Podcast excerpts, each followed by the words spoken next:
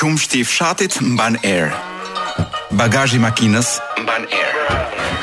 Rojet e kryeministrisë mbajnë erë. Neoliberalizmi mban erë. Festivalet mbajnë erë. Lakra e zier mban erë. Dosjet e komunizmit mbajnë erë. Plazhet e jugut mbajnë erë. Po ky është një mision? që nuk mban erë. Sot nuk është e hënë në Top Albania Radio. Dhe ja ku jemi shumë afër fundit të vitit, ankth nëpër rrugë, njerëzit marrin një si lloj dalldie, ë uh, aksidente, përplasje, uh, dhunë, njerëz që nuk shohin për tokë, po nuk shohin as drejt, po nuk shohin as sipër, ti nuk kupton ku po shohin. Uh, ka një, ku di unë, një mllef me vitin e vjetër, dhe ndoshta gjithë këta njerëz presin që të fillojnë një jetë të re në vitin e ri. Unë dyshoj që do ndodhë kjo sepse kjo lloj dalldie na shoqëron prej të paktën ku di unë sa më vonë 20-30 vjet. Ë, kështu që me kujdes kur i jepni makinës, ë Më duhet t'ju them që kemi një lajm të bukur, ndryshe nga ç'ndodh rëndom që shohim vazhdimisht njerëz që vetëpromovohen, vetëpromovojnë, shpikin çmime që marrin në ku di unë se çfarë.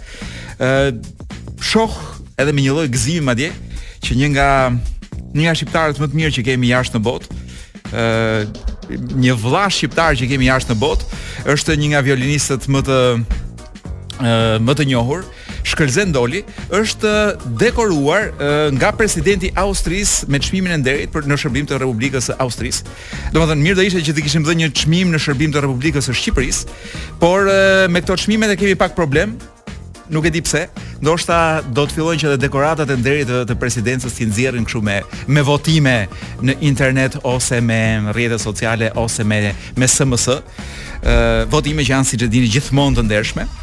Por uh, Shkëlzen Doli ka marrë një çmim në në Austri, një çmim nderi dhe është uh, Është mos gabohem shqiptari i parë që ka që ka luajtur një motiv shqiptar në koncertin shumë të famshëm të vitit të ri të Vjenës ku shkojnë vetëm talente dhe super talente edhe njerëz të edhe me filharmoninë e Vjenës madje. Ë kështu që jam shumë i lumtur për të në në kundërpeshë të gjithë çmimeve, çmimeve të shpikura edhe sajuara që në përgjithësi ne kemi qejf t'i bëjmë këtu brenda vendit.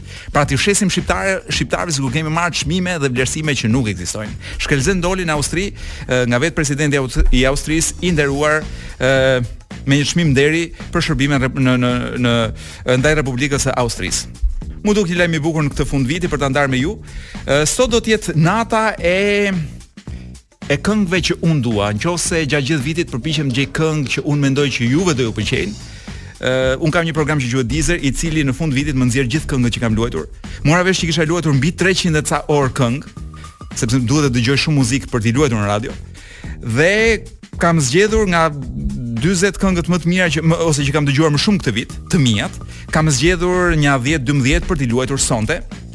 Dhe do ta fillojmë me një nga këngët që unë e kam dashur dhe vazhdoj ta dua shumë, është uh, një këngë e dalë këtë vit nga albumi i fundit i Jovanottit, një këngë që është plot gjak dhe ritëm mesdheu. Mediterraneo. Ju po dëgjoni sot nuk është e hënë në Top Albania Radio.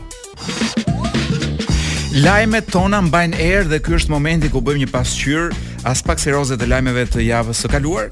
Do ta filloj me një do thosha një investigim uh, që është nga më të mëdhenjtë të bërë në historinë e uh, Kontrollit të Lartë të Shtetit. Gjatë pandemisë thuhet mësimi online nuk u monitorua, u bë në baza vetëdeklarimi.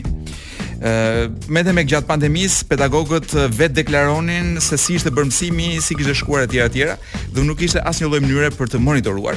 Dhe siç thashë, ky duhet të ketë qënë patjetër investigimi më i madh në historinë e Kontrollit të Lartë të Shtetit, Kush e di sa burime njerëzore janë përdorur për të arritur në këtë përfundim.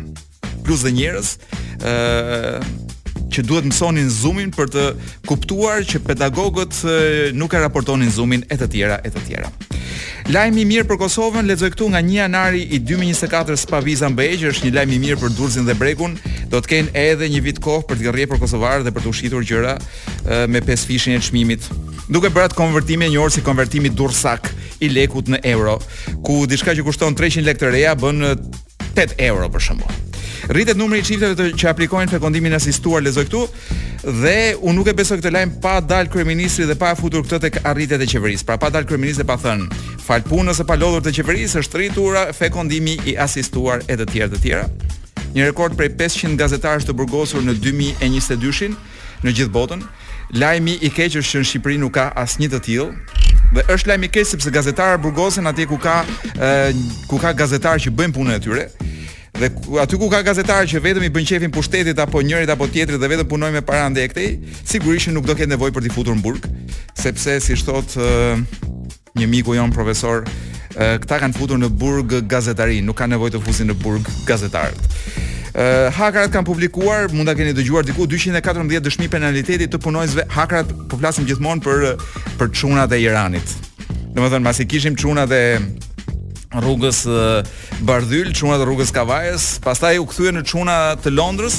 Tani kemi edhe çunat e çunat e Iranit, të cilët kanë publikuar 214 dëshmi siç po thoja, dëshmi penaliteti të punonjësve të Ministrisë së Brendshme.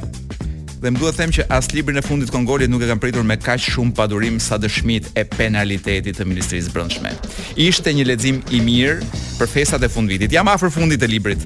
Do të lexojmë diçka ndoshta kur ta mbaroj librin, pra kur ta mbaroj këtë tufën e dëshmive të penalitetit ishin me demek të gjithë të pastër, sa kam lexuar deri tani. Ë lexoj këtu që Meta dhe kur flasim për Meta, flasim për Metën tonë, jo për Metën e e Zuckerbergut, i paska bërë thirrje të rinjve gjermanishten mësojeni, por jo për të ikur. Ë më duhet të them që në përveç se kur Meta jonë ta bëjë këtë deklaratë në anglisht, unë nuk besoj se do ta dëgjojë ndonjë i ri, sepse shqipja është tashmë gjuhë e dytë në Republikën e Shqipërisë. Dhe me gjermanishten ndoshta do të bëhet dhe gjuhë e tretë. Pas pak do t'ju themi 10 arsye pse nuk do të mësojmë gjermanishten. Por jo për jo, pra jo këtë arsyen që thotë Meta, por një ca arsye të tjera, 10 arsye të tjera. Ë dhe lajmi i fundit gazmor, Cërriku i paska rrëmbyer Peqinit. Pra vetëm fjalët Cërrik dhe Peqin mjaftojnë për ta bërë eksituese lajmin.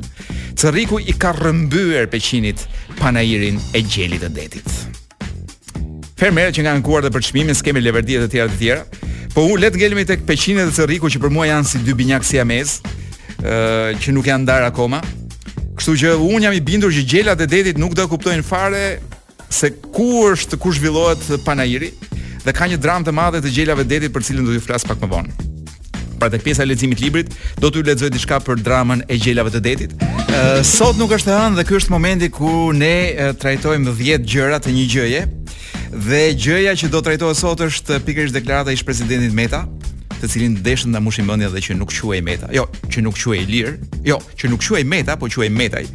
Ë deklarata e tij që i thotë të rinjve mësojeni gjermanishten, por jo për të ikur në Gjermani. Dhe pyetja është po në qoftë se do ta mësojmë gjermanishten dhe më thoni që mos ikim në Gjermani, për çfarë na duhet gjermanishtja? Kështu që ne u përpoqëm bashkë me kolegun tim Florenc Rellari të shpikim 10 arsye, të gjejmë 10 arsye, pse duhet mësuar gjermanishtja edhe nëse nuk keni plan të shkoni në Gjermani. Ha ha, po sigurisht që ju planin e keni për Gjermani. Me sa di unë 90% e studentëve që hyjnë në universitetet shqiptare kanë vetëm një ëndërr, Gjermaninë. ose Londrën. Atëherë për të cilat mund të jenë 10 arsye për të mësuar gjermanishten. E para për të diskutuar për Puten me ambasadorin gjerman. Ju do thoni ku ta gjejmë ambasadorin gjerman. Të jeni sigurt që e gjeni më kollaj se sa deputetin e zonës. Dhe është më dashamirës, mund ndalojë dhe në rrugë dhe të bisedojë me juve dhe nuk ka bodyguard. Domethënë as tipa të çuditshëm, qeros dhe me syze të çuditshme që rrinë mbrapa tij. E dyta për të zgjeruar fjalorin e sharjeve që përdorim kundrejt arbitrave, sepse ngelëm Uh, jemi bërë si shpellarë, ngelëm me vafankula prej 30-40 vitesh. Unë them që ka ardhur koha ta zgjerojmë uh, fjalorin tonë të sharjeve në gjuhë të huaj edhe me gjermanishten. Arsyeja e tretë për të mësuar gjermanishten është për të lexuar instruksionet e ilaçeve gjermane të prostatës. Uh, në mos për babain tuaj, për gjyshin tuaj, mbase ka ardhur koha edhe për veten tuaj. E katërta arsye për të mësuar gjermanishten, por jo për të ikur në Gjermani. Është për të shqiptuar siç duhet emrat e ekipeve dhe lojtarëve të Bundesligës me shpresën që do t'i bëni dikujt përshtypje. Dhe kam fjalën për këto gocat e infermierisë, që sa dëgjojnë sa dëgjojnë një gjysmë llafi gjermanisht domethënë fap kthehen menjëherë, sepse sigurisht kanë shumë dëshirë të ushtrojnë gjermanishten e tyre dhe me këto emrat e lojtarëve nuk do ju kuptojnë nëse është gjermanishte e folur apo është gjermanishte sportive. Ë arsyeja tjetër është për të lexuar përbërësit e çokollatave zvicerane, në qoftë se keni merakun tek përqindja e aspartamit, Por mund të mësoni gjermanishten edhe për t'u hakmarrë ndaj të dashurës tënde spanjolle, ju do thoni po unë s'e kam spanjolle. Dhe unë mund t'ju them që ajo e dashura që keni zënë në Facebook mund të jetë edhe i dashur dhe mund të jetë jo spanjolle, po mund të jetë ku di unë nga fshati i ngjitur. Sepse ju nuk e dini ndoshta, po nëpër fshatra ka një dashuri të madhe që bëhet nëpër Facebook-ë pa u parë asnjëherë. Flas për fshatrat tona, aty ku ka ngelur ndonjë njeri që di të lexojë dhe shkruajë, dhe di të përdorë dhe internetin. Arsyeja 7 për të mësuar gjermanishten, por jo për të ikur në Gjermani, është për t'u bërë mësues gjermanishte në Londër. Arsyeja 8 për t'u hequr sikur kupton më mirë Niçen sesa Tom Kukën dhe arsyeja 9 është për të kapur dhe për të ndaluar çfarëdo lloj turisti gjerman në rrugë dhe duke thënë me dëshpërim më shpëtoni nga ky vend. Arsyeja e fundit për mësuar gjerm, për të mësuar gjermanishten, po jo për të ikur në Gjermani, është për t'i shijuar më shumë ë uh, fjalimet e kryeministrit. Domethënë sigurisht që fjalimet janë të heshtura, pra ja kemi bërë mute, por i kemi dubluar me zërin e fyrerit dhe do shikoni se sa përputhet gjuha e tij jo verbale me zërin e fyrerit. Dhe kështu mund t'i shijoni më shumë fjalimet e tij, siç thashë të dubluara në gjermanisht. Me kaq e kemi mbyllur listën tonë të 10 gjërave, do të rikthehemi tek muzika, dhe një nga grupet më të dashura për mua këto vitet e fundit, me një album që sapo e kanë nxjerrë, s'ka vetëm një muaj ose dy, ë një album që është i gjithi introspektiv. Pra kur njeriu mbyll sytë, edhe ose jo, gjë që ju do bëni ndoshta për Vit të Ri. Ikni pak nga celulari, vetëm Vitin e Ri, edhe dilni diku ku ka pak një pak pamje, një çik pamje, nëse ka akoma diku aty rrotull jush, edhe fiksojini sytë në zbrazëtirë. Më besoni do të jetë një çplodhje shumë e madhe për shpirtin tuaj dhe mund të vini këtë këngë në sfond sepse është ky lloj introspeksioni, një vështrim brenda, brenda vetes. Arctic Monkeys me The Car në Top Albania Radio. Sot nuk është e hënë dhe Në sfondin tim është baza që përdorim për të lexuar librin, unë sot nuk kam libër me vete. Po sot dua t'ju lexoj një poezi që ma ka dërguar në inbox uh, uh, një person që e quan veten uh, Sergej Xhaferri. Pra dhe Sergej edhe Xhaferri. Uh, më pëlqen kjo poezia sepse është uh, titullin e ka Marshi funebër i gjelave të detit. Dhe më duket sikur është ose unë e perceptoj sikur në fakt këtë këtë poezi e ka shkruar një fije bari. Pra është fija e barit që i qan hallin gjelave të detit. Pra marshi funebër i gjelave të detit dhe ja ku fillojmë ta lexojmë. Çdo gjë e jona i ngjan gjelit të detit. Dashuritë tona të kuqe shtrojet tona me rrudha, qafat tona kurioze, klithmat tona të habisë dhe pasioni ynë për vitin e ri. Nuk do të mund t'i ha kurrë gjelat e detit sepse gjyshet e mia në një botë tjetër do të lëshojnë një klithmë e do të ulin qafën me rrudha për të mos më parë në sy. Gjelat e detit në të kundërt kanë plot të drejtë të më hanë mua. Brenda meje flenë të tëra vendimet e shkelura, datat e harruara, premtimet e dhëna me mendje sa për të kaluar radhën. Sa herë jam shtrirë në bar për t'u fshehur. Gjelat nuk e bëjnë dot dallimin mes barit dhe vitit të ri. Prandaj para tyre nuk ka rëndësi nëse maskohem si babagjysh apo si fije e gjelbërt. Gjelat e detit. Andej nga vijnë bajlozët, emigrantët për festë, nga vijnë sëmundjet dhe intrigat e vogla, nga vjen moda e celularët e vjedhur, ata nuk vijnë, nuk vijnë nga deti. Ata vijnë nga asgjëkundi, ditën që unë jam rrëzuar mbi bar, për të parë më në fund qiellin. Qielli im, i mbushur me koka kurioze të kuqe dhe tutje burrat që kanë ardhur nga qyteti me makina për të zgjedhur darkën e tyre.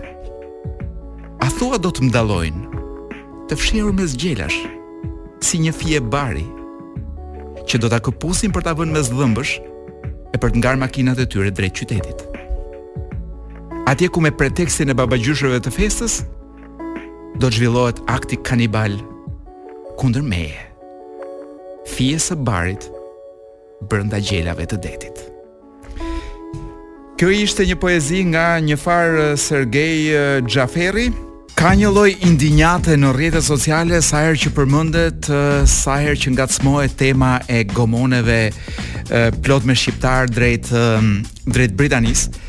Që është konsideruar si një plagë sociale edhe pse kryeministri tha nuk është problem i joni, një herë tha është problem i ë problem i e, rendit i ruajtësve të rendit në në Belgjikë apo në Francë pastaj tha që Britania nuk ju pranon, viza s'keni për të marrë kot, ku kot shkoni atje dhe në fund fare tha që nuk është problem i Shqipërisë.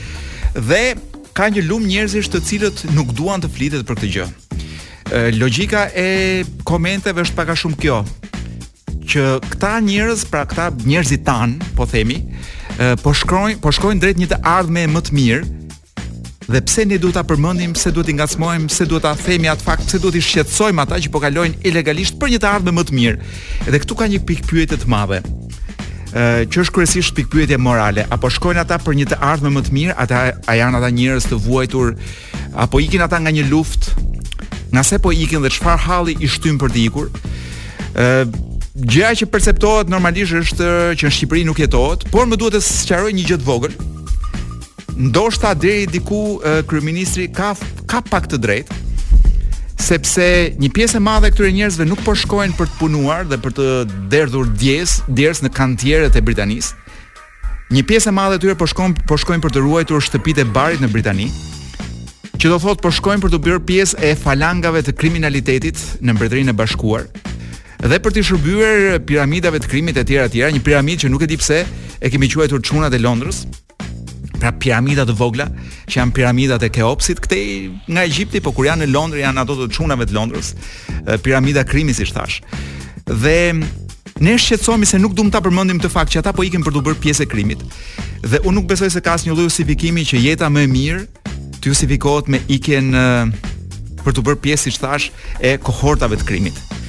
Pra, pse po ikin këta njerëz dhe pse nuk shkojnë për të punuar në ndërtim në Londër ose për të kujtuar për të pastruar oxhaqe në Londër, nëse pastrohen akoma, por shkojnë për të ruajtur shtëpitë e barit.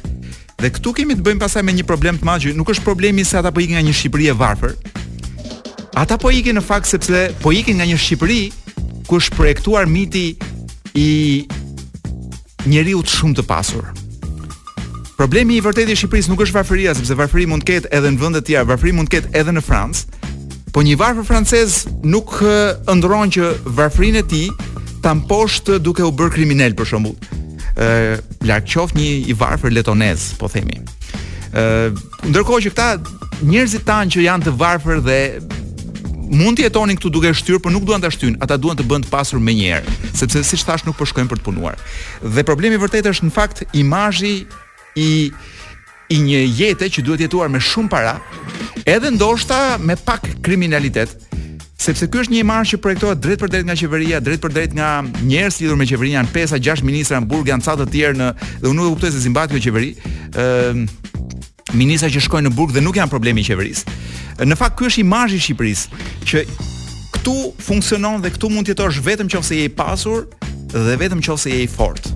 Pra në qoftë se nuk i ke këto dy elementë, është e pamundur të mbijetosh në këtë vend.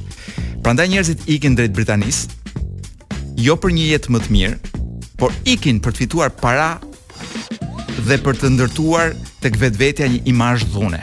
Pra ikin për t'u bërë pjesë e krimit, sigurisht edhe me para. Dhe ky është problemi i madh i Shqipërisë, siç thash, nuk është se Shqipëria është e varfër, Shqipëria projekton thjesht dhunë dhe krim. Dhe kjo është shumë trishtuese që çunat që mund të jenë edhe 18 vjeç, po mund të jenë edhe 28 vjeç, po ka edhe që janë 38 vjeç. Ndoshta ka që janë edhe 48 vjeç. Shkojnë sepse më në fund kanë vendosur të mos jenë më kamarierë, të mos jenë mos bëjnë më punë të zakonshme ku do të jenë thjesht njerëz të thjeshtë dhe të varfër, po duan të bëhen të pasur dhe mundësisht dhe të dhunshëm. Kështu që problemi i këtij kryeministri është pikërisht ky. Sepse gjithçka që Ai projekton me qeverisjen e tij, me mënyrën se si ndërton edhe që nga fushata zgjedhore, por edhe modelet e qeverisjes, edhe modelet e biznesit e tjera e tjera që ai promovon, janë në të vërtetë modele që thjesht i thon njerëzve në qoftë se nuk jeni të pasur dhe nuk bëheni të pasur, ju praktikisht jeni të vdekur në këtë vend. Prandaj askush nuk shkon në Britani për të punuar uh, si pastrus uh, apo si pastruse rrugësh apo shtëpiash, po shkon për të punuar si roje në shtëpitë e barit ku fitohet shumë sepse duhen bërë shumë para. Për t'u rikthyer në këtë vend me kushte të tjera, për t'u rikthyer në këtë vend të pasur dhe të dhunshëm. Sepse në Shqipëri vetëm kështu funksionohet dhe unë mendoj që kjo duhet të jetë akuza që duhet t'i bëhet kryeministrit dhe jo fakti që Shqipëria është e varfër etj etj. Pra të mos e lëmë të bishtnojë me faktin që pse ikin këta njerëz, sepse Shqipëria e, nuk është problemi i Shqipërisë së varfër, sepse nuk është varfëria problemi i atyre që ikin. Problemi është imazhi që po projektojmë. Dhe kur them po projektojmë, nuk po e projektoj as unë as DJ, projektojnë ata njerëz të cilët kanë pushtet ekonomik dhe mediatik. projektojnë vetëm dhunë dhe para. Ashtu dhe. Për t'u rikthyer tek dhuna, ë me këtë grupin që do të prezantoj tani jam njohur vetëm falë luftës në Ukrainë. Është një muzikant rroku ukrainas, është shumë i mirë. E kemi luajtur vazhdimisht në radio dhe është në muzikën më të dëgjuar në veshtë e mi gjatë kohës që eci rrugëve në qytet. Kur dua të izolohem, nga çdo zhurmë uh, agresive e këtij qyteti, vë muzikë edhe dëgjoj dhe këtë burrin këtu.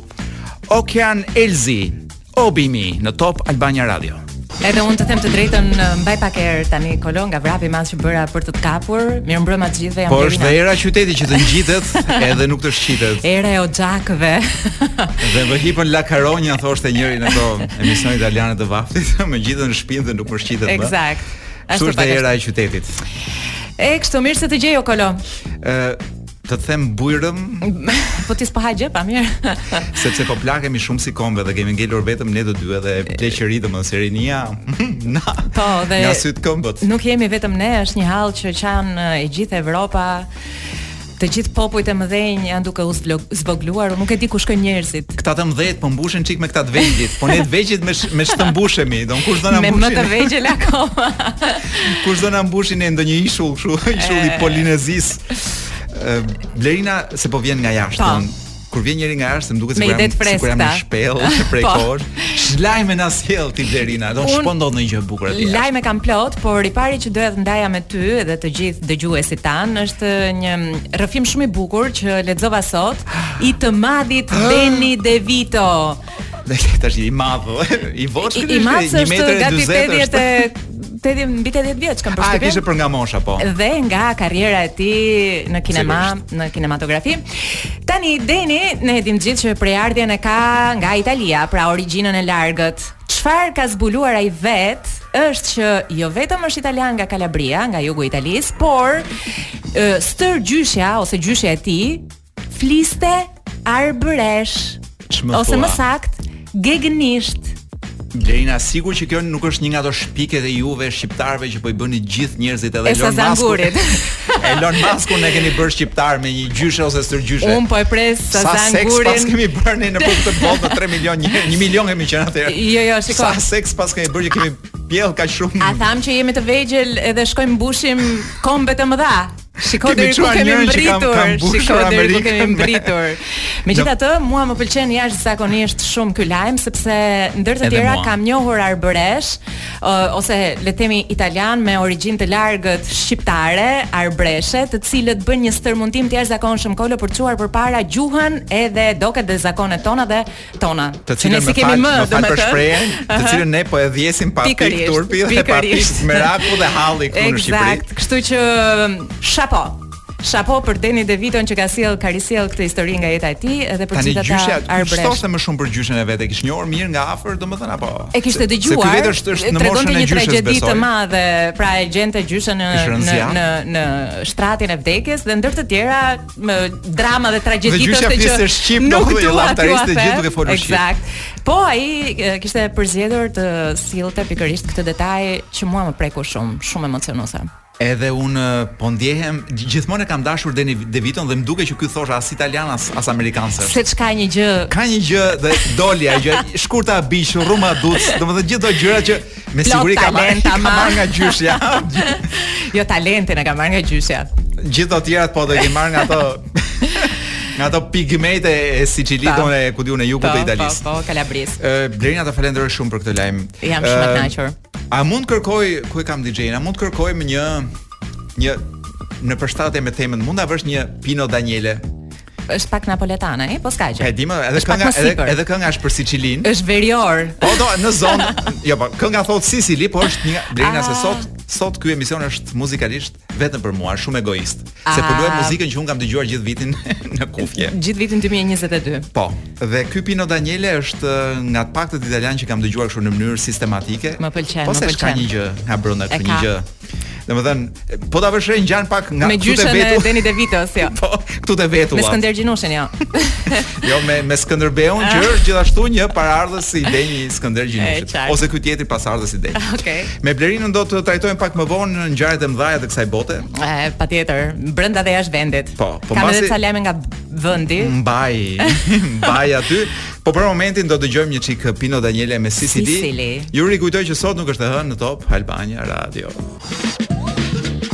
Dhe jemi rikthyer në uh, studio, unë e Blerina përballë kam Kolon. Tani kemi një tuf lajmesh nga bota kryesisht lidhur me çudira që keni parë dhe s'keni parë, keni dëgjuar dhe s'keni dëgjuar. Si kjo që do thot Kolo tani për shembull. Unë nuk di as nga ta kap këtë lajmin. nga koka. Sepse ky lajmi për t'qenë i sinqertë është një lajm që më ka shokuar, më ka shokuar të gjithë bindjet e mia. Ëh. Uh -huh. Të gjithë gjithçka kam ditur unë për seksin e gjarpërinjve ma ka hedhur poshtë ky lajm. Ëh. Uh -huh. Sepse ka dalë një një studim, një studim, jo studim, po një gjë ku e ku studimi, ah. një studim i gjerë dhe i gjatë, i cili ka zbuluar që gjarpëreshat, aha, Si është gjarpri femër, gjarpërushe? Gjarprin femër do ta kthesh, ta shofësh, t'i ngresh bishtin, të shofësh ç'ka poshtë bishtit. Aha. Dhe po pe që ka dy klitorise, atëherë ç'thua more? Gjarprinjt, gjarprinjt paskan klitoris, lajmi i parë një herë. E tmerrshme, të gratë. Me siguri, gjarpëreshat. Dëgjo, prandaj Gjarpëlloshët. Dhe jo, do thoja prandaj zvarriten ashtu, po nuk vlen sepse edhe gjarprinjt zotni burra të njëjtin të ecur kanë, kështu që Po dhe ata, domethënë, me ato të tyre, po përpichen të bëhen gati, duke u okay. fërkuar nëpër tokë. Blerina, gjëja që më shqetësoi, akoma shumë është që gjarpëreshat paskan dy klitorise. Po, njërën kur i jo prishet tjetra. kur prishet njëra. Ops, më fal për batutën. Kur i kur i prish, kur i bie bateria njërit. ka tjetrin wow. dhe është po gjithë gjithë bota po ndryshon. Po mirë, po sepse... po ç'bëjnë me atë dua të di. Me ato të dyja. Ah, tani kjo është ajo që na ngelet neve në dorë. Jo, jo, jo mua dhe ty, po as radios, po njerëzimi domethënë para se të shuhet, para se të shkojmë drejt humnerës finale siç po shkojmë. Pra, Duhet të kuptojmë çfarë bëjnë gjarpërushet me dy klitoris. Un mendoj gjëja që këta mendojnë është që deri dje mendohej dhe un nuk e dija dhe u shokova që gjarprinjt meshkuj mendohej që përdhunonin gjarpreshat. Ashtu ë? Pra ata mendonin që kishte një kapje me forcë, se nuk e kuptonin pse duhet një gjarpreshë që nuk ka asnjë lloj interesi, pse duhet t'i rri kur mm -hmm. ky mhm. zotëria i vjen nga mrapa, domethënë i hidhet sipër Në qoftë se i hidhet sipër, sepse nuk e kam shumë të qartë se si funksionon sistemi, por mendohej që i përdhunonin Tani me zbulimin e këtij fenomeni të klitorisit te gjarprinjt, kuptua, u kuptua që gjarpërushet u thonë hajde hajde se kam jo një, pra, por ajo, dy. U bën edhe dredha, domethënë ua dredhin kur thuhet. Oh. Dhe ajo që ne mendojmë që një mënyrë të ecuri, domethënë një mënyrë të lëvizuri, që kanë dredhje edhe me natyrë pak erotike, pa, po. seksuale, jo, se ku di un se çfarë. Thjesht nuk kuptoj çfarë mendonin shkencëtarët der dje, der para se të zbulonin këtë fenomen që aty ishte hunda, që ishte një vesh i tretë, vesh i mesëm. E para, e para më duhet të them që ndoshta gjarprinjt, ë, se nuk dua të mendoj që gjarpëreshat u thonë gjarpërinjve, po ju s'di, po ju ju rëntë pika, ju s'dini ku është, ju s'dini gjë domethënë. Po duhet të vinin studiuesit të ma zbulonin mua këtë të dytë. Ë, pra nuk besoj që ata kanë një një injorancë siç ekziston në popullatën ku mendohet që 7% e meshkujve as nuk e dinë që ekziston një klitoris, jo më të dinë se ku. Por mendoj që gjarpërinjt hynin ke ato specie kafshësh që nuk kanë, pra nuk janë kaq të mirëpajisura për dashuri. Un kam një Një një lajm për të gjithë burrat, qeniet njerëzore, gratë kanë vetëm një. Mos kërkoni domethënë. Dhe Damn. pyetja, Po ti pse nuk hedh një ty mua se domethënë pse nuk ka bën jetën njerëzve pak më të vështirë. për shembull, Grat kanë dy dhe asnjërin aty ku mendoni ju. Gje po deshe ku. tani më m'u kthye më erdhi Dhe përsëri. një e mbaj në punë, një e mbaj në shtëpi. Më shkoi përsëri fantazia tek gjarpëreshat, gjarpërushat, o zot, derisa ta gjej si është femërorja e gjarprit. Tani kur zhvishen, kur heqin atë lëkurën, ç'ndodh me atë zonë erogjene të trupit të tyre? Unë mendoj që ai që e gjen e merr. Por nuk jam shumë i sigurt. Ëh, ndoshta si me thënë diçka ngelet. Diçka ikën, diçka ngelet. Bukur shumë. Blerina ke ndonjë lajm po kaq traumatizues? Po, unë dua të qëndrojmë këtu tek tek notat sensuale. Lexova një lajm shumë interesant që në fakt si ngjarje ka ndodhur disa muaj më parë, po u desh ca kohë derisa të bëhej virale. Duket se një azil pleq në Tajvan i drejtuar nga shteti, pra institucion shtetëror, ka dashur t'u bëjë një dhuratë moshës së tretë pleqve të atij azili. Dhuratë për vit ri, po disa duke, muaj para. E, ishte një dhuratë e një feste lokale, nuk ka rëndësi. Ëm dhe ka menduar shumë mirë që t'i çojë një tufë vajzash striptiste. Vetëm se nga aty pastaj le të themi ngjarja mori pak të tatëpjetën. Ah, pati incidente të tipit proteza të ngelur proteza proteza të ngelura në vende të gabuara pati ngritje kryengritje Dhe unë mendova që ndoshta uh, qeveria e Tajvanit nuk bën dot atë konsumim, që bën qeveria jonë. Pati konsumim mishi të bardhë. Duhet duhet të ketë pasur po sepse vetë institucioni kishte thënë ne vërtet u çuam disa striptiste po ato ekzagjeruan vetë pastaj ne u kishim thënë që ta mbanin pra, modeste festën pra ishin striptiste që, që në një moment u çmendën jo u çmendën po një moment u bënë dhe punonjëse sociale pra vendosin që realisht të ndihmojnë Tani unë dua t'i them qeverisë së Tajvanit që të marrë shembull nga qeveria jonë dhe të mos t'u ngrejë asgjë tjetër pleqve përveç se pensionet. Dhe do të përveç se pension, jo, pensioni po, t'i bëjë. Pensioni lart pensioni. A mund të bëj një koment uh, po shumë serioz po. që është që ka vërtet të nder të jesh pensionist në Tajvan. Në Tajvan, sikurse mendoj që është një gjë që ka një gjë shumë e bukur të jesh striptiste në Tiranë, dhe jo në Tajvan. Po Sepse në Tajvan të çokan të bësh punë me me me mall të dobët, me mall të cilësisë së tretë, le të themi. Ndërkohë që një striptiste në Tiranë me ç'kam dëgjuar, punon me mall të cilësisë së parë. Ashtu është. Ose cilësi jo vetëm A, po cilësi AA ose AAA, pra plus, A, A, plus, A, plus. A, plus, plus. Sepse stripet tona janë mbushur me ç'kam dëgjuar vetëm me çuna që vijnë nga 15 deri në 40 vjeç, ku diku në mosha të reja. Për eksperiencat e para. Për të marrë për Të para, të dyta, të dhjeta, të dyqinta, por dua dua të them këtë që një striptiste në Tiranë zgjedh. E çfarë? pra ka mundësi zgjedhje, ky s'më pëlqej ka shumë se që ky shumë i madh në moshë. Ti nuk e imagjinon dot se sa ndërkohë djem të rinj 40, 50 vjeçar në komente kërkonin adresën e këtij azilit. Uh, azilit për të prenotuar për pleqërinë e tyre. Nga gjithë bota, në të gjitha gjuhët e botës. Ti more vesh adresat. Po, po, po, po, t'i kaloj unë pas pak. Se kemi njerëz të interesuar për dall. Eksakt. Ë Blendi një lajm tjetër që mua më më më shokoi është që mund do të ikim nga seksi dhe shkojmë në një vend ku, ku? gjatë kupës së botës në në Katar. Okej. Aty është ndaluar. Ose me ose janë si ose janë si gjarpërinj ndoshta që nuk e dim akoma që në Katar bëhet seks.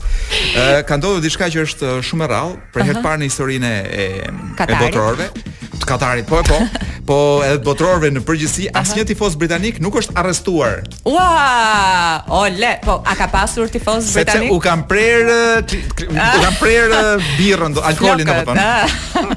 U kanë prerë alkoolin dhe një britanik pa alkool është ç'të them, si një gjarpër pa klitoris. pa dy klitoris. pa me zero. Ua, më pëlqeu shumë. Uh, unë do të të them një tjetër studim shumë interesant, i cili zbulon që grekët e lashtë kolo. Po po po po. po. Uh, shanin dhe mallkonin me fjalë të ndyra. jo. Italisht. Me, me greqishten e lashtë atë të të të farmacisë, të mjekësisë. Po. e përdornin për të sharë, për të mallkuar dhe ka ekziston një një një studim me plot 1300 fjalë dhe shprehje të tipit edhe nga ato që përdorim ne sot. Të tipit plaç, Pra plaç mos ma mos ma përkthe se mund të jetë ndonjë fjalë pornografike në Greqinë e lashtë. Jo, jo, plaç është. A plaç ishte plaç? Plaç. Që atëherë. Plaç shqip kolo, nuk e di si thoshin në greqisht, plaç, po plaç.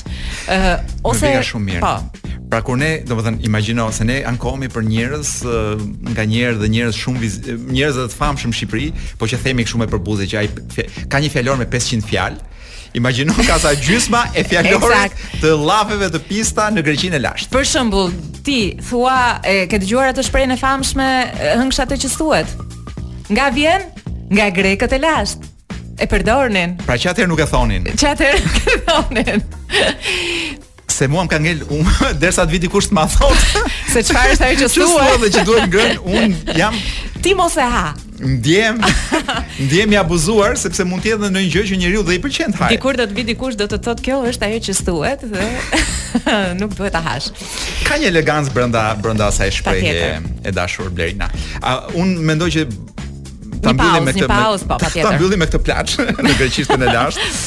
Ë do të të lëshoj një këngë që mua më pëlqen shumë. Është ky burri është i vjetër, është një 100 vjeç tani. Por është prapë i mirë siç siç ka qenë kur ishte 30 vjeç. Billy ah. Idol. Ka nxjerrë një këngë tash, oh. kjo është një këngë e kujtun, e shtatorit. Pra në kohën që bëj ajo gjëja ajo festa në Tajvan, po. ky i shkreti nxjerr. Brazili është dhe ky po nxjerrte këngë. Si nuk nuk i çon shteti amerikan striptiz e këtij. Billy Idol. Running from the Ghost. Edhe për pak, nuk është e hënë. Pra në orën 8 na bie ora 12. Dgjoj, çfarë raporti ke me këto këngët e Krishtlindjeve? Mariah Carey, All I Want for Christmas is You, Michael Bublé. Kam një raport sadomazo. Okej. Okay. Pra, domethënë është sikur po fshikulloj me kamzhik.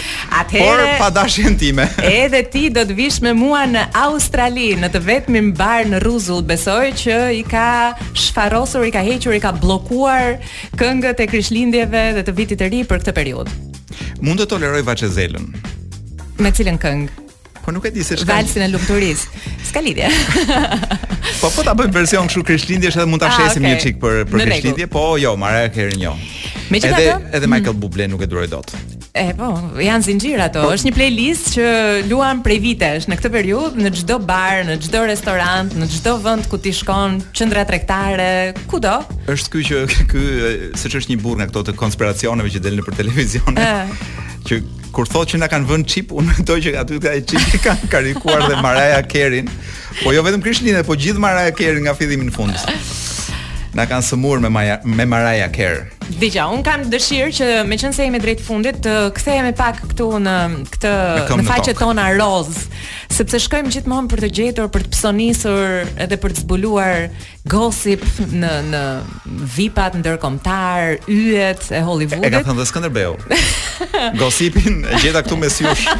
Nuk e solla nga jashtë shtetit. Dhe mbi të gjitha dua të theksoj se si i shohim ne njerëzit, për shembull, që fitojnë një të, të, të drejtën e pashaportës amerikane. Edhe kur ata janë persona të famshëm në faqet e shtypit shqiptar, ë gjeta këtë lajm që më pëlqeu shumë. Me fat, këngëtarja shqiptare merr nënshtetësinë amerikane dhe bëhet fjalë për Flaka Krelanin. e cila me fat vërtet tashmë pra, jeton në Shtetet e Bashkuara. Një një zilepsie kombëtare me fat do të thotë atë që s'mund ta keni ju e pati ajo vajzë lajmi këtu do të ishte pse e merr. Don, nëse do donim bënim lajm showbiz, do të ishte pse e merr dikush që është dhe i famshëm, ku dihet që ka edhe këngëtare, ka edhe një biznes, le të themi që ecën mirë, që është kënga. Eksakt. Ëh, uh, pse mos ka kënga e ky, jo kjo kënga e Krishtlindjeve. Pra ne do të pyesim pse uh, dikush e merr pasaportën amerikane? Jo, neve lajmi vetëm është që mori pasaportën. Luma jo. pra dhe dhe dhe pjesa e lajmit është që gjithë gjithë Shqipëria ka një zili shumë të madhe për pasaportën e saj amerikane.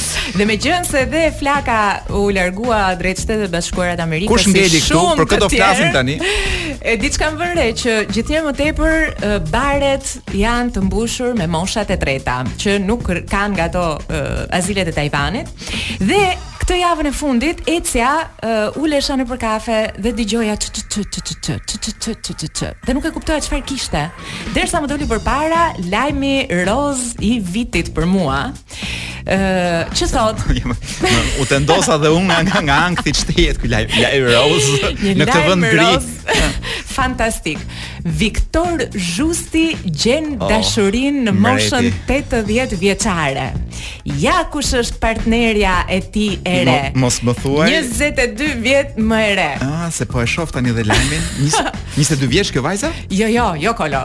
22 vjeç më e re se Viktori. Pra, uh, me dhe... një matematikë të thjeshtë, nëse Viktori 80 vjeç është, nëse Viktori është 80 vjeç, i bie që zonja në fjalë të jetë diku te 60-at.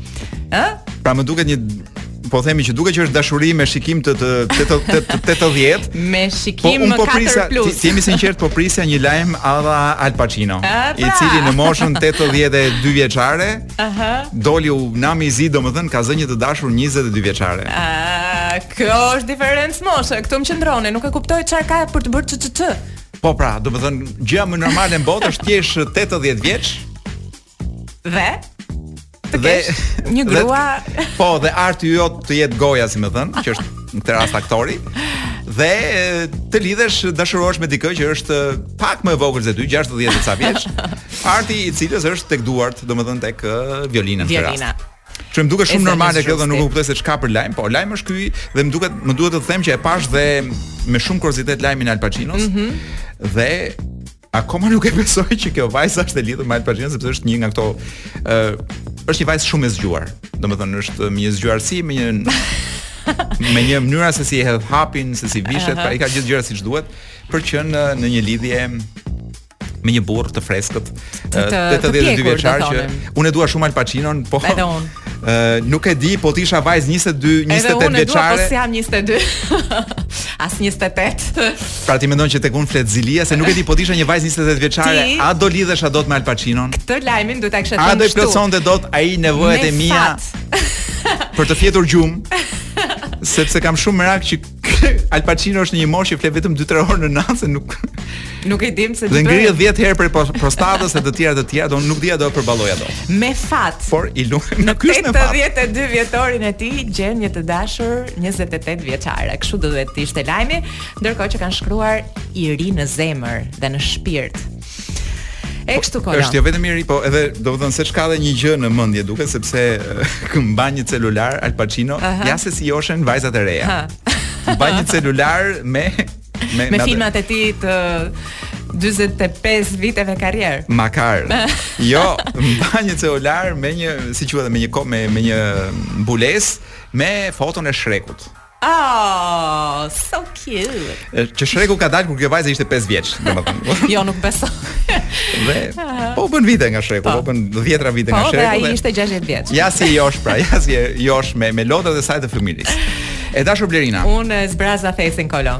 Bëre shumë mirë, ishte kënaqësi e madhe të qanim hallet e këtij vendi dhe sidomos hallet e moshës, po edhe hallet e seksit dhe gjithë të tjera. Eksakt. Do takohemi për një Pardaf të fundit të këtij viti, mbas një jave. Po, nëse sot nuk është e hënë. Në të njëjtën studio. Në Top Albania Radio. Deri atëherë. Natën e mirë nga unë dhe Kolo. Edhe puç puç.